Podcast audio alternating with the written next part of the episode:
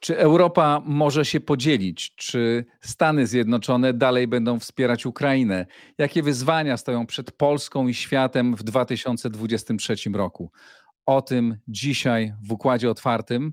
Dziękuję wszystkim tym, dzięki którym ten program mogę prowadzić. Dziękuję wszystkim patronom, którzy wspierają Układ Otwarty. Serdecznie namawiam do dołączenia do tego grona, do dołączenia do społeczności Układu Otwartego i wspierania tego projektu. Możecie to zrobić za pośrednictwem serwisu patronite.pl. Tam na moim profilu można wesprzeć e, ten program.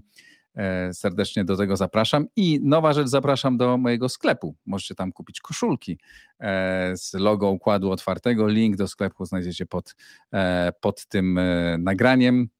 A teraz już łączę się z Garmisch-Partenkirchen. A kto w Garmisch-Partenkirchen? Pewnie domyślacie się Państwo, ale za chwilę zobaczycie. Profesor Andrew Michta, nasz stały gość, dziekan Marshall Center i Senior Non-Resident Fellow Atlantic Council. Dzień dobry, panie profesorze. Dzień dobry panu, dzień dobry państwu. Pan profesor wypowiada się jak zawsze w swoim imieniu, prywatnie, a nie w imieniu instytucji, e, z którymi współpracuje. E, zacznijmy, panie profesorze, od tego. Jesteśmy na przełomie, na przełomie roku. E, czy istnieje takie zagrożenie, że Europa się rozjedzie? Nie chcę powiedzieć rozpadnie, ale coraz bardziej czuć inne i słychać inne głosy płynące z państw tych na wschodniej flance NATO, już coraz szerszej, tak, od e, Szwecji, Finlandii, no jeszcze niepełnych członków, ale za chwilę staną się pełnymi członkami NATO, państw bałtyckich, Polski, e, miejmy nadzieję w przyszłości Ukrainy, a państwami tymi starymi, tradycyjnym centrum, centrum Unii, Niemcami i Francją, Hiszpanią, Włochami. Czy pańskim zdaniem tu grozi jakiś poważny rozjazd? Znaczy, ja nie wiem, czy ja bym to nazwał poważnym rozjazdem czy groźbą czegoś takiego. Ja myślę, że e, instytucje zawsze powinno, powinny odzwierciedlać rzeczywiste interesy i rzeczywiste rozłożenie sił. To jest prawda, że jeżeli spojrzymy na państwa, które znajdują się na, na froncie wschodnim, że tak powiem, na flance wschodniej, oni widzą priorytety inaczej. I to nie tylko chodzi o to, w jaki sposób powinna być zorganizowana Unia Europejska, E, do jakiego stopnia ona powinna być scentralizowana, do jakiego stopnia opierać się na państwach narodowych. Ja mówię raczej o, o, o tym, że w czasie wojny następuje bardzo zaostrzone pojmowanie priorytetów. I również e, to, co kiedyś jest negocjowane w sensie oczekiwań, prawda, no zróbmy coś razem, nagle się staje czymś bardzo bezpośrednim. I tutaj właśnie byłem e, wczoraj w Sztokholmie, przedtem byłem w Helsinkach, w Rydze. E, czy mówi Pan do dawnych neutralnych Skandynawów, czy mówi Pan e, członków NATO e, na, na, w krajach bałtyckich, czy w Polsce, czy, czy pojedzie Pan do Rumunii? To jest tylko jedna najważniejsza sprawa w tej chwili. To jest sprawa bezpieczeństwa narodowego. I ponieważ optyka bezpieczeństwa w Europie jest jednak sfragmentaryzowana, ona jest podzielona, zregionalizowana, są oczekiwania wobec państw, które znajdują się poza samą flanką, mówię tu głównie o Niemczech i o, o Francji, żeby dzieliły tego samego rodzaju intensywne poczucie zagrożenia i robiły to, co trzeba robić z punktu widzenia państw, które znajdują się na, na linii frontu. I to stwarza napięcia. Czy dojdzie do, do, do rozjechania się? Nie sądzę, natomiast myślę, że będziemy widzieć dosyć dużo napięć, jeśli chodzi o relacje pomiędzy poszczególnymi stolicami co do spraw konkretnych, dlatego że Europa to nie tylko w tej chwili kwestia zgody politycznej, bo NATO ma tę zgodę polityczną, ma ten konsensus, że wspieramy Ukrainę, e, mimo że ten konsensus nie jest taki bardzo głęboki, on jest nadal do pewnego stopnia kruchy, ale chodzi o rzeczy bardzo konkretne. Prawda? No mamy ten konsensus, ale co robimy indywidualnie po to, żeby mieć zapasy sprzętu, mieć zapasy amunicji, mieć, mieć konkretne rzeczy do wysłania E, żołnierzom e, ukraińskim. No i problem jest taki, że Europa nadal jest w dużej mierze rozbrojona. Znaczy kraje na flance e, kupują sprzęt, no może trochę potrwać, ale jednak wykonują te ruchy. Największym problemem jest produkowanie amunicji, produkowanie pocisków, a na to trzeba, żeby rządy wydawały kontrakty dla konkretnych firm. Więc te oczekiwania z państw e, na wschodniej linii w stosunku do państw tych bardziej takich established, prawda, zwłaszcza mówimy o tandemie francusko-niemieckim. Ja myślę, że tutaj napięcia będą nadal, nadal trwały. I to są również napięcia między Stanami Zjednoczonymi a tymi krajami, bo z tego co słyszę, no są silne naciski ze strony administracji amerykańskiej na większe, na większe zaangażowanie tych państw. No, tymczasem te ruchy Niemiec zwłaszcza wydają się bardzo często pozorne. Hmm, prawda, kwestia e, przekazania patriotów, ostatnia taka no, dziwne bardzo napięcie między Polską e, a Niemcami. Tymczasem Stany Zjednoczone, Niemcy mówią, że nie mogą, że NATO musi to zaakceptować. Tymczasem Stany Zjednoczone podejmują decyzję o, e, o przekazaniu tych patriotów. Niemcy deklarowali ten, w tym słynnym przemówieniu, kanclerz Scholz mówił o Zeitenwende, prawda, o 100 miliardach, e, które ma zainwestować w armię. Tymczasem już słychać głosy, że prawdopodobnie nawet do 2% w najbliższym czasie e, e, PKB Niemcy nie będą w stanie wydać, a mówimy o najbogatszym państwie europejskim, więc trudno mówić o tym, że oni nie mają, że ich nie stać na to. E, kiedy Polska, no, kraj du dużo słabszy, zaczyna wydawać znacznie więcej procentowo w każdym razie. Z czego pańskim zdaniem to, to wynika i, i na ile panu się to wydaje nie, nie, nie groźne dla, e, dla jedności zachodniego obozu?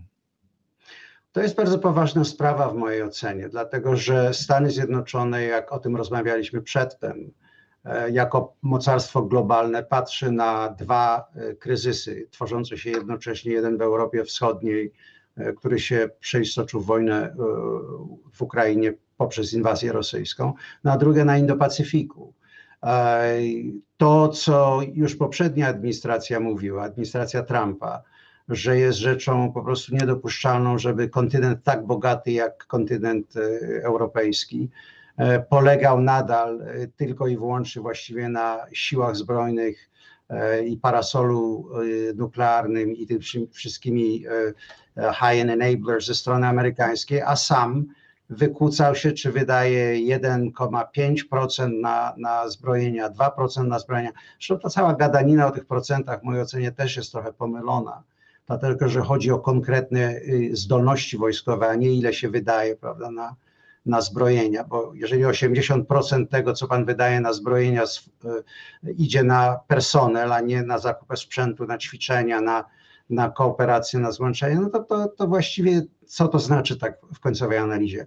Stany Zjednoczone jasno oczekują od Europy, że odbuduje swoją siłę zbrojną. Ta siła została e, rozłożona na kawałki. No i tutaj też jest smutne, że y, Niemcy szczególnie, najbogatszy kraj w, Unii Europejskiej, e, zaniedbał chyba jako jeden z najbardziej zaniedbałych y, sił zbrojnych, to znaczy fundusz e, wojskowy był traktowany jako taka trochę skarbonka do, do przenoszenia pieniędzy w, in, w innych kierunkach.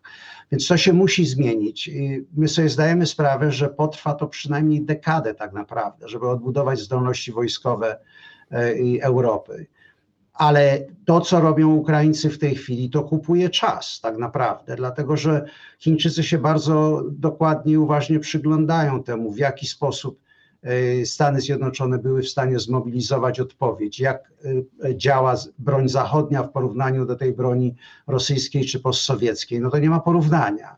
E, zdolności profesjonalne wojsk natowskich, czy Ukraińcy szkoleni przez, przez armię zachodnie, które mają w tej chwili najsilniejszą armię w Europie, tak naprawdę poza wojskami amerykańskimi, e, e, wyćwiczoną i tak dalej. Więc oczekiwania w mojej ocenie będą bardzo istotne i ja myślę, że te następne dwa lata do następnych wyborów prezydenckich w Stanach Zjednoczonych będą kluczowe. Jeżeli Europa nie zademonstruje, że jest w stanie produkować odpowiedniej ilości sprzętu, że rządy dają kontrakty firmom zbrojeniowym i ten, ten sprzęt i amunicję później od nich kupią. No przecież żadna firma nie, nie będzie tego robić, nie mając, nie mając nabywcy. E, to ja myślę, że ta sytuacja się utrzyma i, i relacje transatlantyckie się wzmocnią. Natomiast jeżeli trend pójdzie w drugim kierunku, to znaczy, że wracamy do takiego właśnie takiego no jak to było, prawda? Polegamy na Ameryce, jeśli chodzi o obronność, o logistykę, o transport, o high-end enablers. Ja podejrzewam, że kongres tutaj zareaguje przede wszystkim, zadając pytanie, dlaczego? Bardzo proste pytanie. To samo, co robił Trump przedtem, i myślę, że następna administracja zrobiłaby podobnie.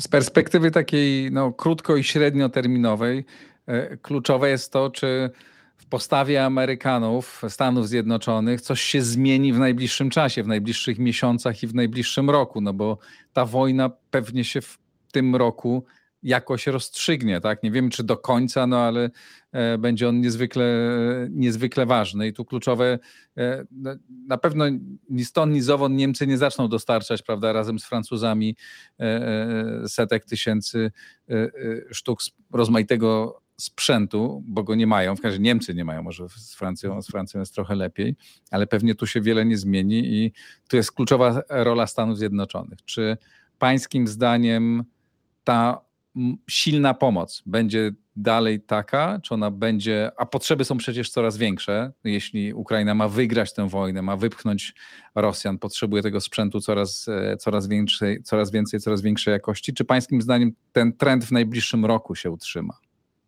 Jestem przekonany, że tak. Zresztą proszę, proszę zwrócić uwagę e, na, na to, w jaki sposób wachlarz broni dostarczany Ukraińcom rozszerza się w czasie, prawda? Początkowo to były javelins, to była broń dla małych, e, dla lekkiej piechoty, później przeszło to na e, haubice, później HIMARS, w tej chwili patrioty, więc y, Stany Zjednoczone zainwestowały już tyle, nawet nie w samym sensie dolarów i centów, ale prestiżu i, i, i swojego autorytetu w ten konflikt. I zwłaszcza, że te dwa teatry są powiązane i mówię tutaj o Azji i o Europie, to, co się dzieje w Europie, jest odczytywane tam jako pewnego rodzaju wola polityczna Stanów Zjednoczonych. To jest pierwsza sprawa. Druga sprawa, w mojej ocenie, z moich rozmów y, czy, czy z reprezentantami kongresu, miałem, miałem możliwość też rozmawiać z kilkoma senatorami i jak również ze staffersami. Proszę zobaczyć, co się stało po tych wyborach y, midterms, prawda? no miało być, były te obawy, że nagle kongres wszystko zmieni, że będzie ta czerwona fala, że jakiś izolacjonizm w to wszystko wejdzie. Okazało się, że polityka amerykańska, która ma te swoje ekstrema, zarówno z prawicy, jak i z lewicy, jest i, i ten neoizolacjonizm, prawda, na ekstremalnej prawicy, jest ten wokeizm na, na e, ekstremalnej lewicy, ale tak naprawdę te wybory poszły do centrum, prawda, bo one zostały e, zadecydowane przez przez kobiety, przez tak zwanych niezależnych, independents, prawda? Co dla mnie było czymś bardzo pozytywnym w, w tym wszystkim.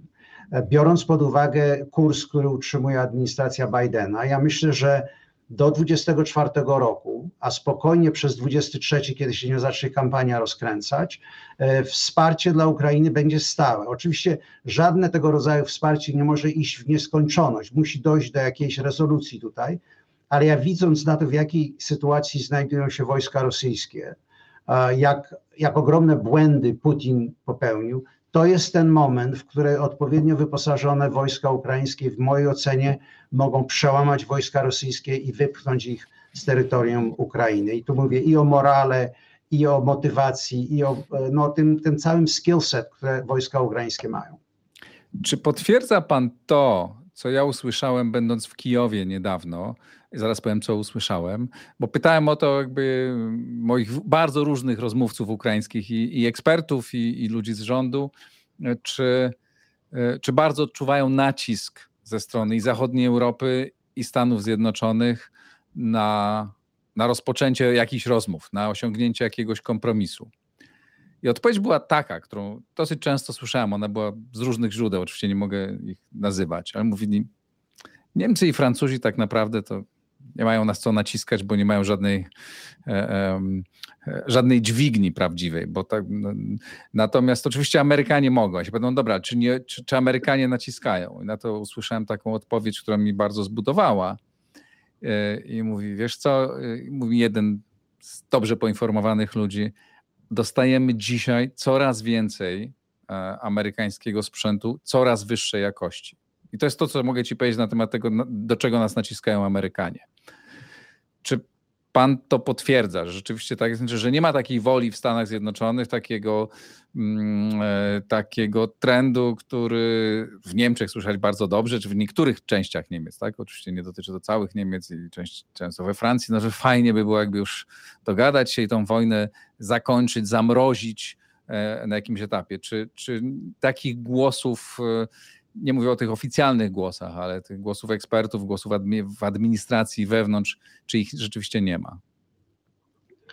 To znaczy, ja odpowiem w taki sposób. Y, tak jak od 2012 roku y, ciągle się słyszało o piwocie do Azji, prawda? Odkąd prezydent Obama to po raz pierwszy położył na stole, i do tej pory mamy te rozmowy, prawda? Słyszy się różnych analityków, że Ukraina to jest e, odwrócenie uwagi od tego, gdzie jest prawdziwe zagrożenie, e, że to prawdziwe zagrożenie jest w Azji, że tam trzeba się tym zająć. Ja zawsze mówię e, moim kolegom czy, czy ludzi, ludziom, z którymi pracuję, nie słuchajcie samej retoryki, patrzcie, co państwa robią. Tak jak zareagowały Stany Zjednoczone na atak Rosji na, na Ukrainę, no to było w mojej ocenie taki, taki genetyczny DNA, jeśli chodzi o strategię. To pokazuje, czym są Stany Zjednoczone, że są zarówno państwem atlantyckim, jak i, jak i Oceanu Pacyfiku i że muszą być za, za, zakorzenione zarówno w Europie, jak i w Azji. Dlatego, że to jest kwintesencjalnie państwo morskie, to jest państwo, y, które y, osiągnęło sukces i wielkość i siłę przez y, dostęp, do różnych rynków, przez otwarty E, system handlowy i tak dalej. Więc e, już samo to powinno być częścią tej odpowiedzi. Stany Zjednoczone, w mojej ocenie, nie tylko ta administracja, ale większość elity politycznej bardzo dobrze rozumie, że jakiekolwiek zamrożenie tego konfliktu w tej chwili to byłoby zwycięstwo Putina, to byłoby zwycięstwo Rosjan. To jest pierwsza sprawa. A, tak, a to zwycięstwo, po tym jak Ukraińcy zapłacili tak ogromną cenę, to nie było tylko zwycięstwo w kampanii, ale de facto zwycięstwo cywilizacyjne. Rosjanie próbowali odbudować strefę wpływów w Europie Środkowo-Wschodniej, dogadać się prawda, z największymi graczami, uważali tak w Europie, uzależnić Europę od dostaw energii, no i stać się graczem politycznym na skalę imperialną ponownie, przy tym prawda, podbijając Ukrainę no i, i, i kontrolując Białoruś prawdopodobnie dalej ruszający się, naciskając na państwa nawet, nawet wewnątrz linii natowskiej.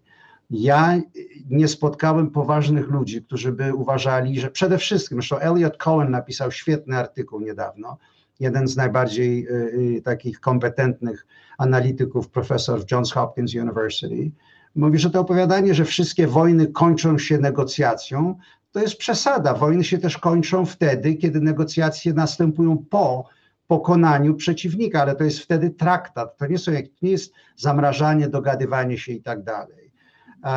Więc ja myślę, że coś bardzo fundamentalnego staje się w tej chwili, jeśli chodzi o to, w jaki sposób Stany Zjednoczone patrzą na ten konflikt. Oczywiście są krytycy, którzy wychodzą, mówią, że dlaczego wysyłamy pieniądze Ukraińcom zamiast się zająć granicą na południu z Meksykiem, dlaczego robimy to, kiedy mamy inflację, ale to w sumie mówią wszystkie rządy.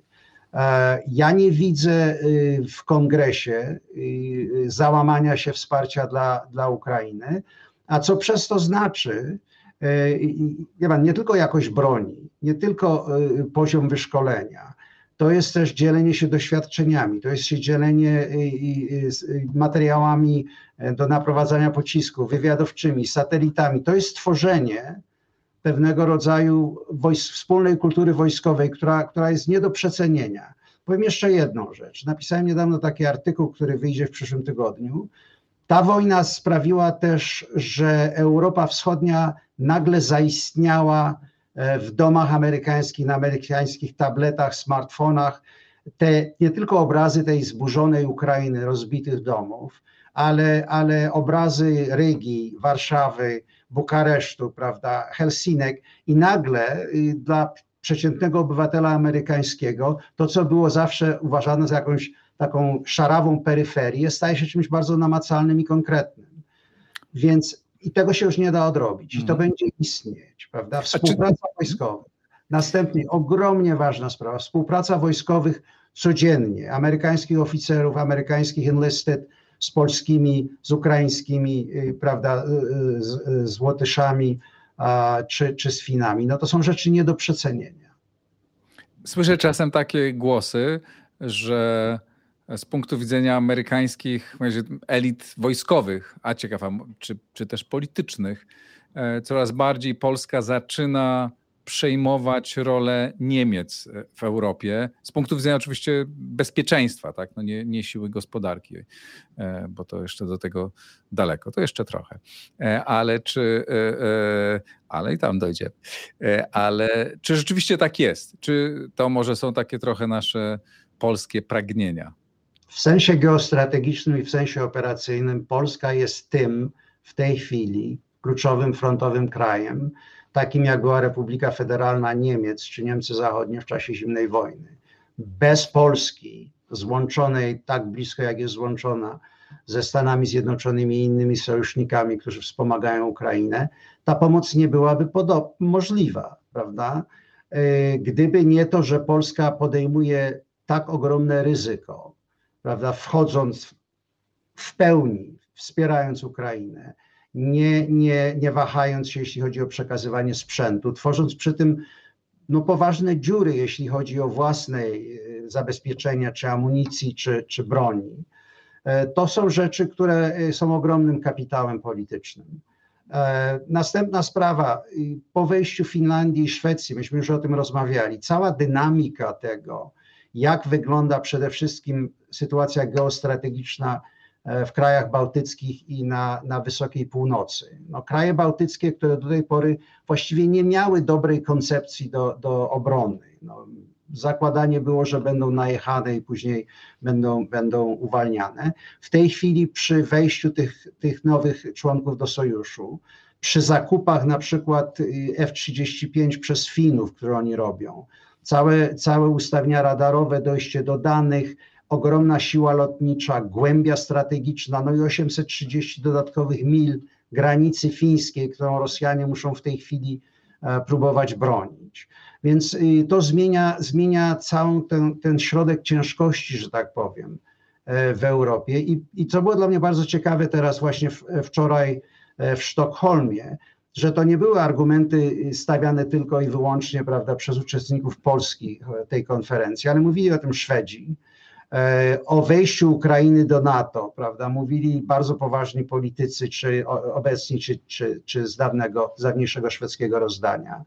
E, bardzo mocna wypowiedź e, przecież doradcy do spraw bezpieczeństwa E, e, Szwecji. I więc e, to jest, to jest myślenie już, już w kategoriach regionalnych, które zaczyna się ze sobą schodzić coraz bardziej.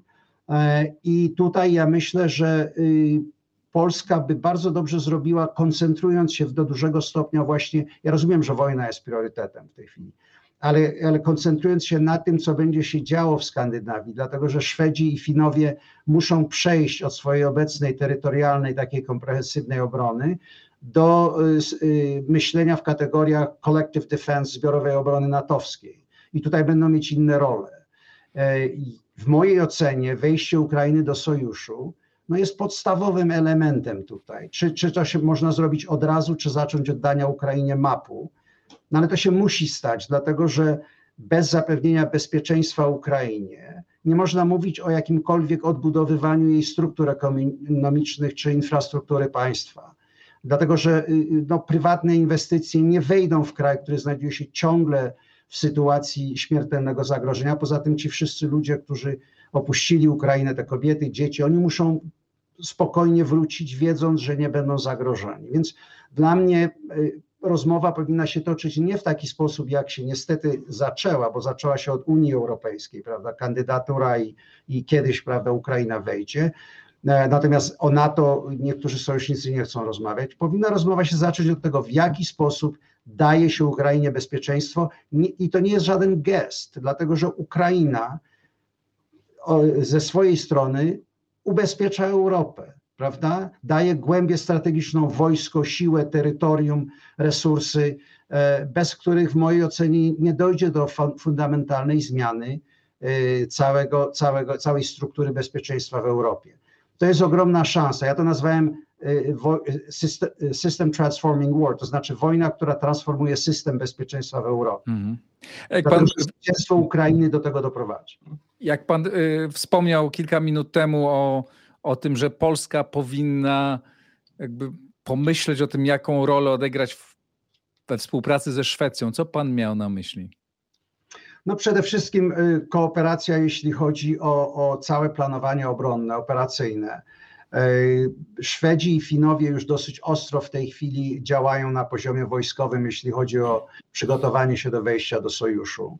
Y, ja jestem przekonany, że mimo tych wszystkich oporów ze strony Węgier i, i ze strony Turcji, to zostanie sfinalizowane i będziemy mieli dwóch bardzo ważnych nowych sojuszników. Proszę pamiętać, że Szwedzi i Finowie również y, y, myślą o zagrożeniu w bardzo podobny sposób, w jaki myślą e, Polacy, czy, czy Litwini, czy Estończycy. No tak żartobliwie powiem, y, powiedzenie fińskie, które mi kierowca powiedział, wioząc mnie do, do hotelu, powiedział, w Finlandii się mówi, że Rosjanina można usmażyć w maśle, ale on nadal będzie Rosjaninem. Czyli oni wiedzą, jakiego typu zagrożenie to wszystko jest. I tutaj w mojej ocenie są synergie między patrzeniem z Warszawy i patrzeniem ze Sztokholmu i patrzeniem z Helsinek na to, co trzeba zrobić. Czyli przede wszystkim e, to są małe kraje, prawda? Ale to są kraje, które są w stanie zmobilizować w stosunku do swojej populacji bardzo duże siły zbrojne. To są y, armie, które są dobrze wyszkolone, mają rezerwy i, i są w stanie y, no naprawdę doprowadzić do sytuacji, w której Bałtyk staje się de facto wewnętrznym morzem sojuszu. Cały problem y, tego i przesmyku suwalskiego, ten, ten Suwalki Gap, o którym ciągle się gada, prawda? Ja podejrzewam, że trochę, trochę może jeden z naszych generałów, który myślał o Fulda Gap z okresu zimnej wojny, no to powiedział Suwalki Gap dobrze brzmi. E, to takie trochę może PR-owe to było, ale cała, cała konfiguracja, jeśli chodzi o, o głębię i obronność regionu się zmienia. E, w mojej ocenie cały ten region to są naturalni sojusznicy pod kloszem Sojuszu Natowskiego i to są sojusznicy, którzy będą mogli na siebie liczyć, dlatego że zdają sobie sprawę z tego, jakie jest zagrożenie. To tak, mówi Pan o tym, że powinna, Ukraina powinna zostać przy, przyjęta do NATO, że jest to fundamentalna rzecz. Z naszego punktu widzenia twierdzenie kompletnie niekontrowersyjne. Tu w Polsce wszyscy to dobrze rozumiemy. No ale jak Pan mówi o wrażliwości tego fińskiego kierowcy i, i fińskich polityków i ekspertów, prawda? No to nie jest wrażliwość monachijskiego czy hamburskiego kierowcy, a zwłaszcza polityków e, e, i elit, e, czy części elit tego kraju. Tak? Tam to postrzeganie, to poczucie jest zupełnie inne. Czy w ogóle, czy pan dopuszcza taką możliwość, żeby to, to się stało realnym? Znaczy, żeby zakładając, że wojna potoczy się dobrze z naszego punktu widzenia, żeby Ukraina została przyjęta do NATO? Czy nie jest tak, że jakby najpierw trzeba będzie zbudować jakieś takie pomostowe, e, pomostowe struktury bezpieczeństwa i zabezpieczenia zabezpieczeń z poszczególnymi krajami? Tak jest ta koncepcja e, Kiev Security Compact, takich bilateralnych porozumień z różnymi krajami. Czy to nie wydaje się panu bardziej realistyczne? Powiedzmy sobie po prostu, gdyby nie Stany Zjednoczone, Ukraina nie byłaby w tej chwili nadal w walce, tylko byłaby pokonana, bez względu na to, jak zmotywowani i bohaterscy są ukraińscy żołnierze i cały naród ukraiński.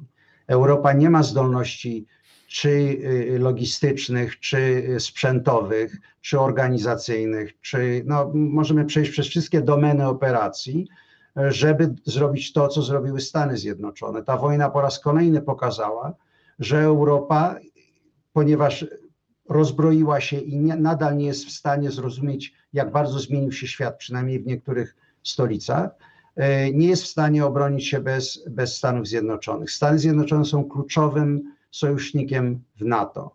W związku z tym ja rozumiem różne rozmowy na temat prawda, takiej opcji czy innej opcji, ale y, odstraszanie bez obecności amerykańskiej w tym, w tym równaniu, no to jest po prostu opowiadanie sobie o jakichś tam marginalnych rzeczach. To, to jest kluczowy element y, dla tego, żeby Europa była bezpieczna. dlatego że tylko Stany Zjednoczone mają pewne zdolności, których nikt w Europie nie ma. Europejskie armie w większości są za małe, niedozbrojone sprzętowo. Zresztą w tej chwili, kiedy mówimy o modernizacji sił amerykańskich, jeżeli Europa się nie zacznie modernizować i inwestować w, swoje zdolności, no to nie będzie nawet interoperacyjne wojska w tych niektórych państwach, dlatego że technologie się rozjadą już do takiego stopnia. To wszystko Więc... prawda, ale czy, przepraszam, że wejdę słowo, ale czy pan jakby y, nie dopuszcza takiej możliwości? Znaczy, czy pan, czy pan wie, bo pytam, bo to, czy pan wierzy w to, że Ukraina rzeczywiście może stać się e, członkiem NATO szybko? Do tego jest potrzebna wola polityczna, tak? Nie tylko Stanów Zjednoczonych, bo no tam pewnie to będzie. To nie jest kwestia wiary. Proszę pamiętać, że yy, Niemcy Zachodnie stały się pełnym członkiem sojuszu w 1955 roku.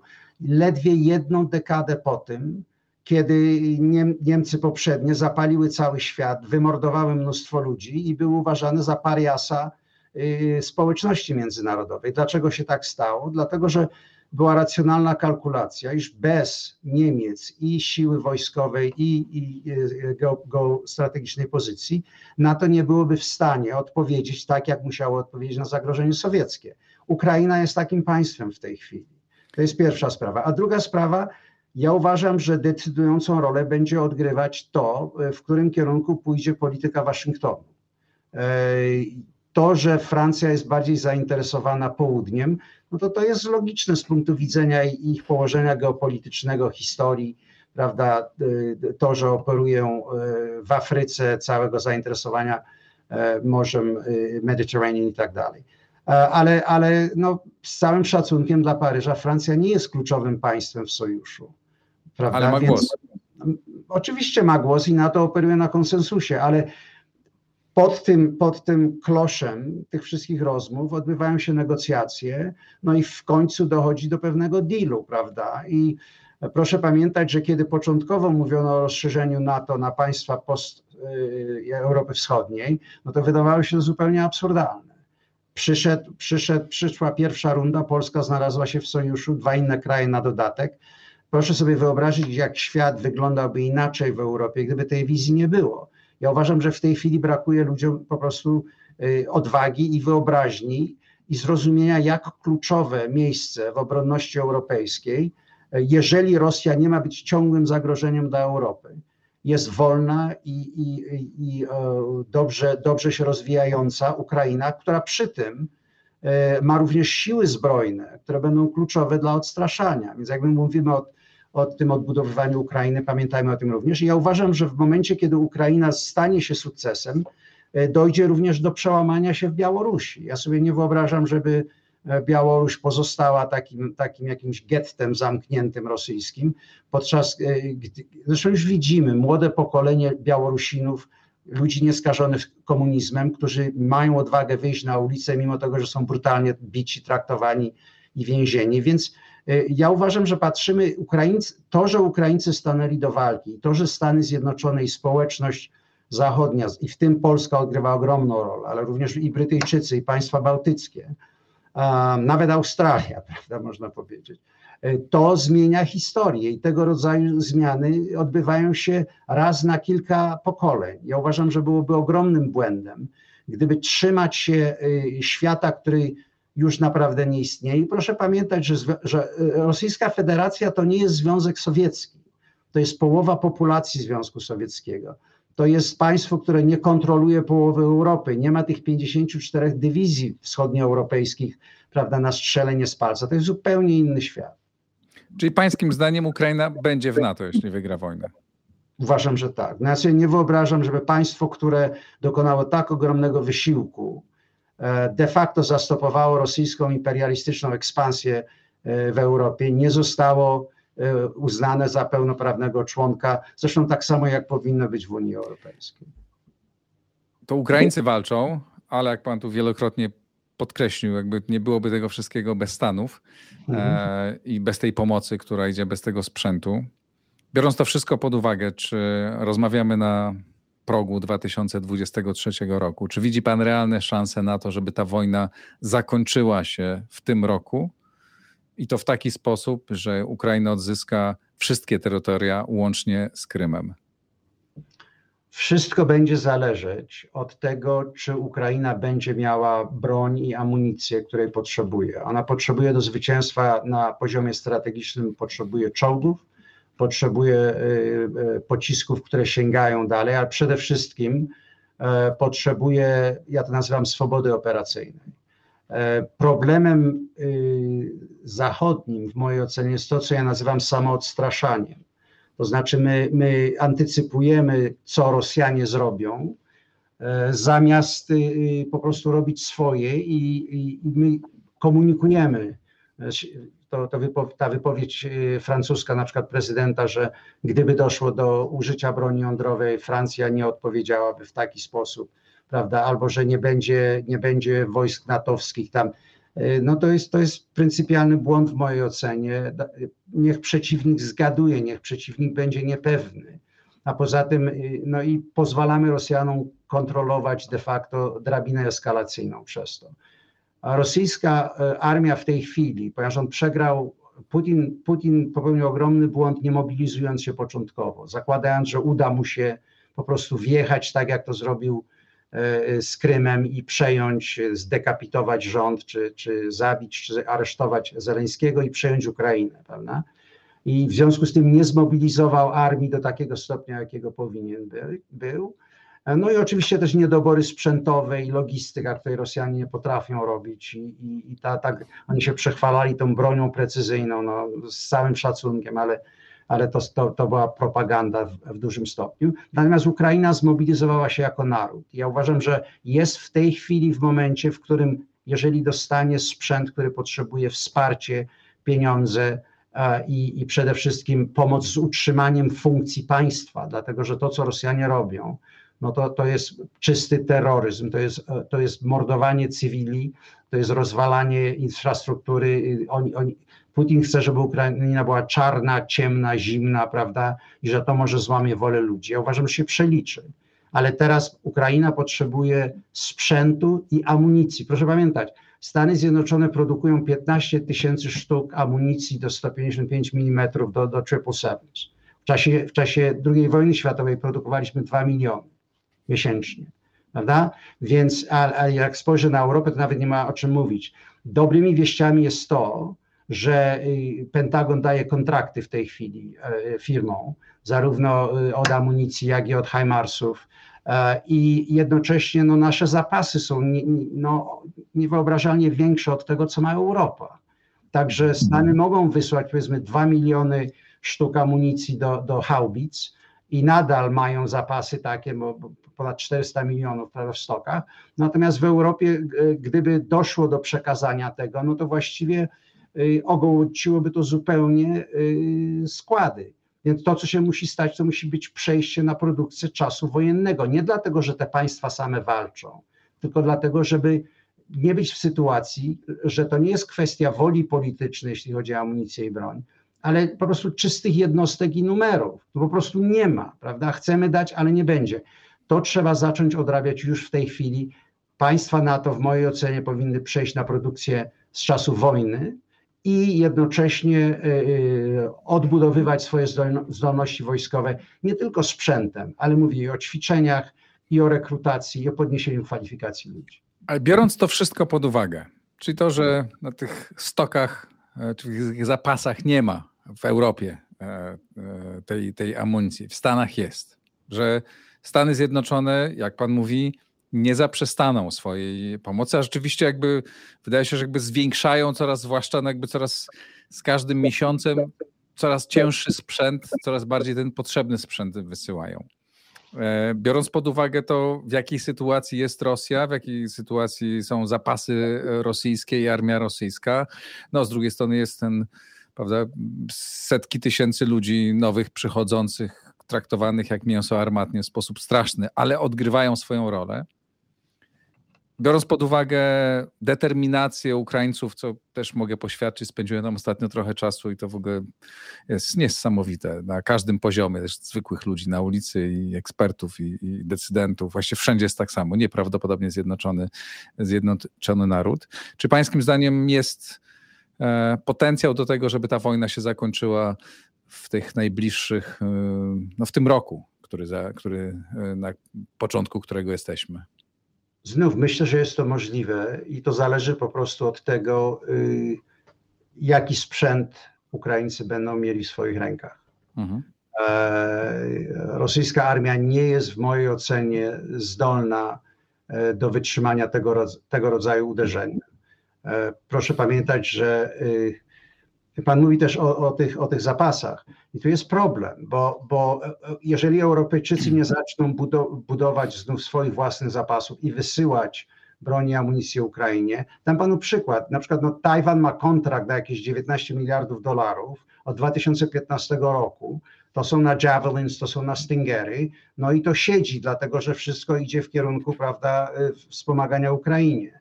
Więc jak powiedziałem na początku, to nie chodzi o pivoty, to chodzi o to, że Stany Zjednoczone mają odpowiedzialność w dwóch teatrach tych głównych, prawda? Więc tutaj Europejczycy mogliby wysłać ogromnie ważny sygnał, produkując to, co jest po prostu potrzebne do prowadzenia wojny. Jeżeli w, w sierpniu, o ile pamiętam, Rosjanie wystrzeliwali jakieś 50 tysięcy, nawet do 60 tysięcy pocisków dziennie, Ukraińcy mogli odpowiedzieć pięcioma, sześcioma tysiącami, no sobie proszę wyobrazić, co to znaczy przy zapasach, które ma dzisiaj Bundeswehra, czy, czy inne mniejsze armie tam holenderskie, czy belgijskie. To mówimy o dniu, dwóch dni operacji przy tego rodzaju intensywności.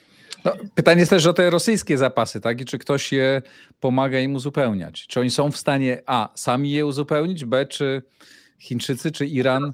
Wyciągają sprzęt w tej chwili y, no, te, niemalże z okresu wojny koreańskiej i y, niektórzy z moich kolegów prawda, śmieją się z tego, mówiąc, że no to już rzeczywiście jest tragedia. Natomiast problem jest taki, że jeżeli y, przywództwu rosyjskiemu nie zależy na życiu swoich żołnierzy i wysyłają ten, ten, te, te 60 ileś tam 2, 4 czy te 55, czy co to ma być, no ale każdy taki czołg wymaga pocisku, który kosztuje tysiące dolarów, jeśli nie więcej, prawda? Więc to jest ta prosta arytmetyka, to jest, to, to jest, to jest pierwsza sprawa w tego wszystkiego.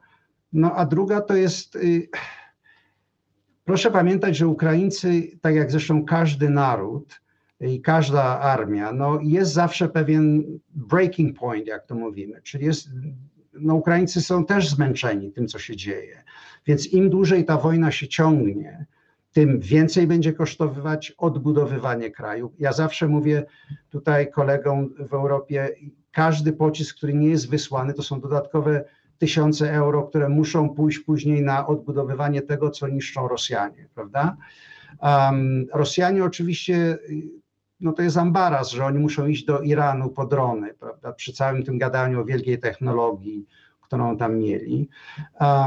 tak jak chyba kiedyś panu powiedziałem, największą moją, moją taką obawą jest, co stałoby się. Ja nie sądzę, że Chińczycy poszliby w tym kierunku, ale gdyby Chińczycy otwarli swoją, swoją bazę przemysłową dla produkowania broni i amunicji dla Rosjan, wtedy, wtedy byłaby to zupełnie inna wojna. Stałaby się proxy war między Chinami a Stanami Zjednoczonymi, gdzie Rosjanie i Ukraina byłyby, byłyby w samym środku tego.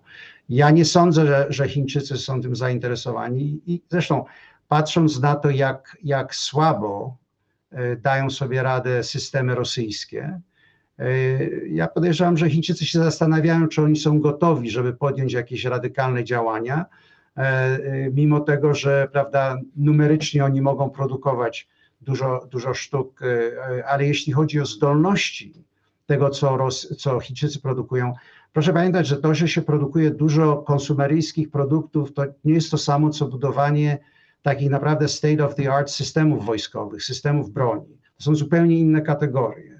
I tutaj, y, zwłaszcza jeśli chodzi o jakość chińskiej y, y, marynarki, no to ja jestem raczej nie pod specjalnym wrażeniem, muszę panu powiedzieć. Oczywiście oni mają przewagę tego, że operują blisko własnego wybrzeża, a my mamy tyranię, tyranię przestrzeni. W każdym razie jesteśmy w sytuacji, w której to, co zrobili Ukraińcy, jak i ich sojusznicy, bo Ukraina nie byłaby się w stanie bronić bez tego wsparcia, przecież to wszyscy doskonale wiemy.